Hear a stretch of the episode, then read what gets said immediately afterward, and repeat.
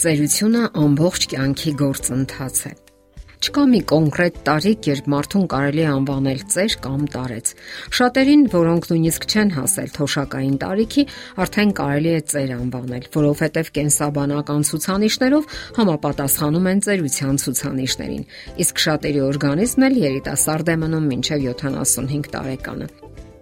Տարիքի աճելուն զուգընթաց մեր օրգանիզմում տեղի են ունենում որոշակի փոփոխություններ, սակայն բոլորի մոտ չէ, որ դրանք նույն ընթացքը կամ արդյունքներն ունեն։ Այդ պատճառով էլ մարդկանց մի մասը կարիք ունի առանձնահատուկ սննդի, իսկ մյուսներն էլ կարող են սնվել իրենց սովորական սննդակարգով առանց հիմնախնդիրների։ Եվ այնուամենայնիվ տարեցների մեծ մասը կարիք ունի առանձնահատուկ սննդի, որը տարբերվում է երիտասարդների սննդակարգից։ Տարբեր երկրներում կատարված համաճարակային հետ հետազոտությունները ցույց են տալիս, որ ուղիղ կախվածություն գոյություն ունի կենթանական ճարպերի օգտագործման քանակի եւ կրսկագեղձի ու ուղիղ աղու քաղցկեղով հիվանդանալու միջև։ Այն երկրներում, որտեղ մեծ քանակով կենթանական ճարպ են օգտագործում, բարձր է կրսկի քաղցկեղից մահացության տոկոսը, քանի որ կենթանական ճարպերի ավելցուկը մեծացնում է կանացի սեռական հորմոնների մակարդակը, որոնք էլ իրենց հերթին երանդում կերպով բաժանում են կիսում ստեղծում կրծքագեղձի գեղձային բջիջները։ Եվ այսպես, ինչ փոփոխություններ են տեղի ունենում տարեց մարդկանց օրգանիզմում եւ ինչպիսի փոփոխություններ է անհրաժեշտ կատարել նրանց օրաբաժնում։ Ծերությունն իր հետ բերում է նյութափոխանակության ինտենսիվության նվազեցման, ինչպես նաև շարժողական ակտիվության նվազեցման։ Դրա համար հարկավոր է աստիճանաբար նվազեցնել օգտագործվող կալորիաների քանակը, որpիսի ավելորդ կիլոգրամներ չհավաքվեն, այսինքն մարդը էներգիայի կորուստ չունենա։ Տարեց մարդկանց սպիտակուցային պահանջմունքը այնքան էլ շատ չի տարբերվում ավելի երիտասարդ մարդկանց սպիտակուցային պահանջվող քանակից, սակայն երբեմն տարեց մարդու մոտ վատթարանում է երիկամների աշխատանքը։ Այդ պատճառով էլ անհրաժեշտ է լինում խուսափել ավելորդ քանակի սպիտակուցից։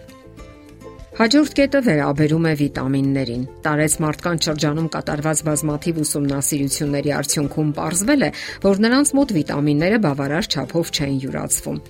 եւ ովքեր հիվանդությունների ընթացքում լրացուցիչ C վիտամին են ստացել, ավելի արագ ու հեշտ են բարելավում առողջությունը։ Փորձարկվողների մոտ նկատվել է նաեւ ֆոլատի ցածր պարունակություն, որը պլազմայի կազմի մեջ մտնող կարևոր տարերից մեկն է։ Ծերանոցներում բնակվող տարեց մարդկանց մոտ 59-ից 90 տարեկանների շրջանում սննդաբաժինը հարստացրել են սելենով եւ Է վիտամիններով, ինչը բերել է նրանց առողջական վիճակի բարելավմանը։ Տարեց մարդկանց համար բնորոշ է աղիների ներծծող ընտունակության վատ թարացումը։ Դրա հետևանքում կրճատվում է օրգանիզմի կողմից յուրացվող կալցիումի քանակը, եթե նույնիսկ սննդաբաժնի մեջ կա բավարար քանակի կալցիում։ Կալցիումի կորուստը ուժեղանում է նաև հոգեկան ցնցումների ժամանակ, քիչ ակտիվության դեպքում եւ ուժեղ ներգործության որոշակի դեղամիջոցների օգտագործման արդյունքում։ Ուրեմն պետք է ուշադիր լինել նաև կալցիումի քանակի առումով։ Տարեց մարդկանց մոտ, հատկապես կանանց մոտ օրգանիզմում հաճախ է նկատվում երկաթի անբավարարություն։ Կանայք պետք է հատուկ ուշադիր լինեն եւ օգտագործեն երկաթով հարուստ սննդամթերք։ Այսօր ավելի ու ավելի շատ մասնագետներ են աշխատում տարեց մարդկանց համար նախատեսված կլինիկաներում։ Նրանք հայտնում են, որ այդ մարդիկ ունեն առողջության բնորոշ խախտումներ, որոնք պայմանավորված են առաջին հերթին սննդով։ Եվ ահա առանձնացվել են գործոնները, որոնք կարող են բացասաբար անդրադառնալ անհրաժեշտ սննդանյութերը յուրացնելու մարդու ընտունակության վրա։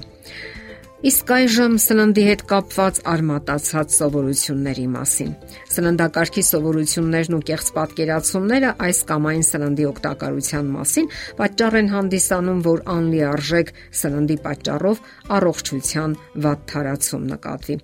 Ապրելու թուլացած ցանկություն, որը պայմանավորված է դեպրեսիայով եւ միայնությամբ։ Այս հզոր գործոնը լրջորեն խախտում է տարեց մարդկանց սննդակարգը։ Այստեղ կարող են օգնության հասնել առողջության ակումբներ կուրսները, խոհանոցային դասընթացները, որոնք տարեց մարդիկ կարող են գտնել իրենց քաղաքում։ Դա հիանալի հնարավորություն է սովորելու օգտակար ճաշատեսակներ պատրաստելու հմտություններ, ինչպես նաև բավարարելու սոցիալական շփումների պահանջմունքը։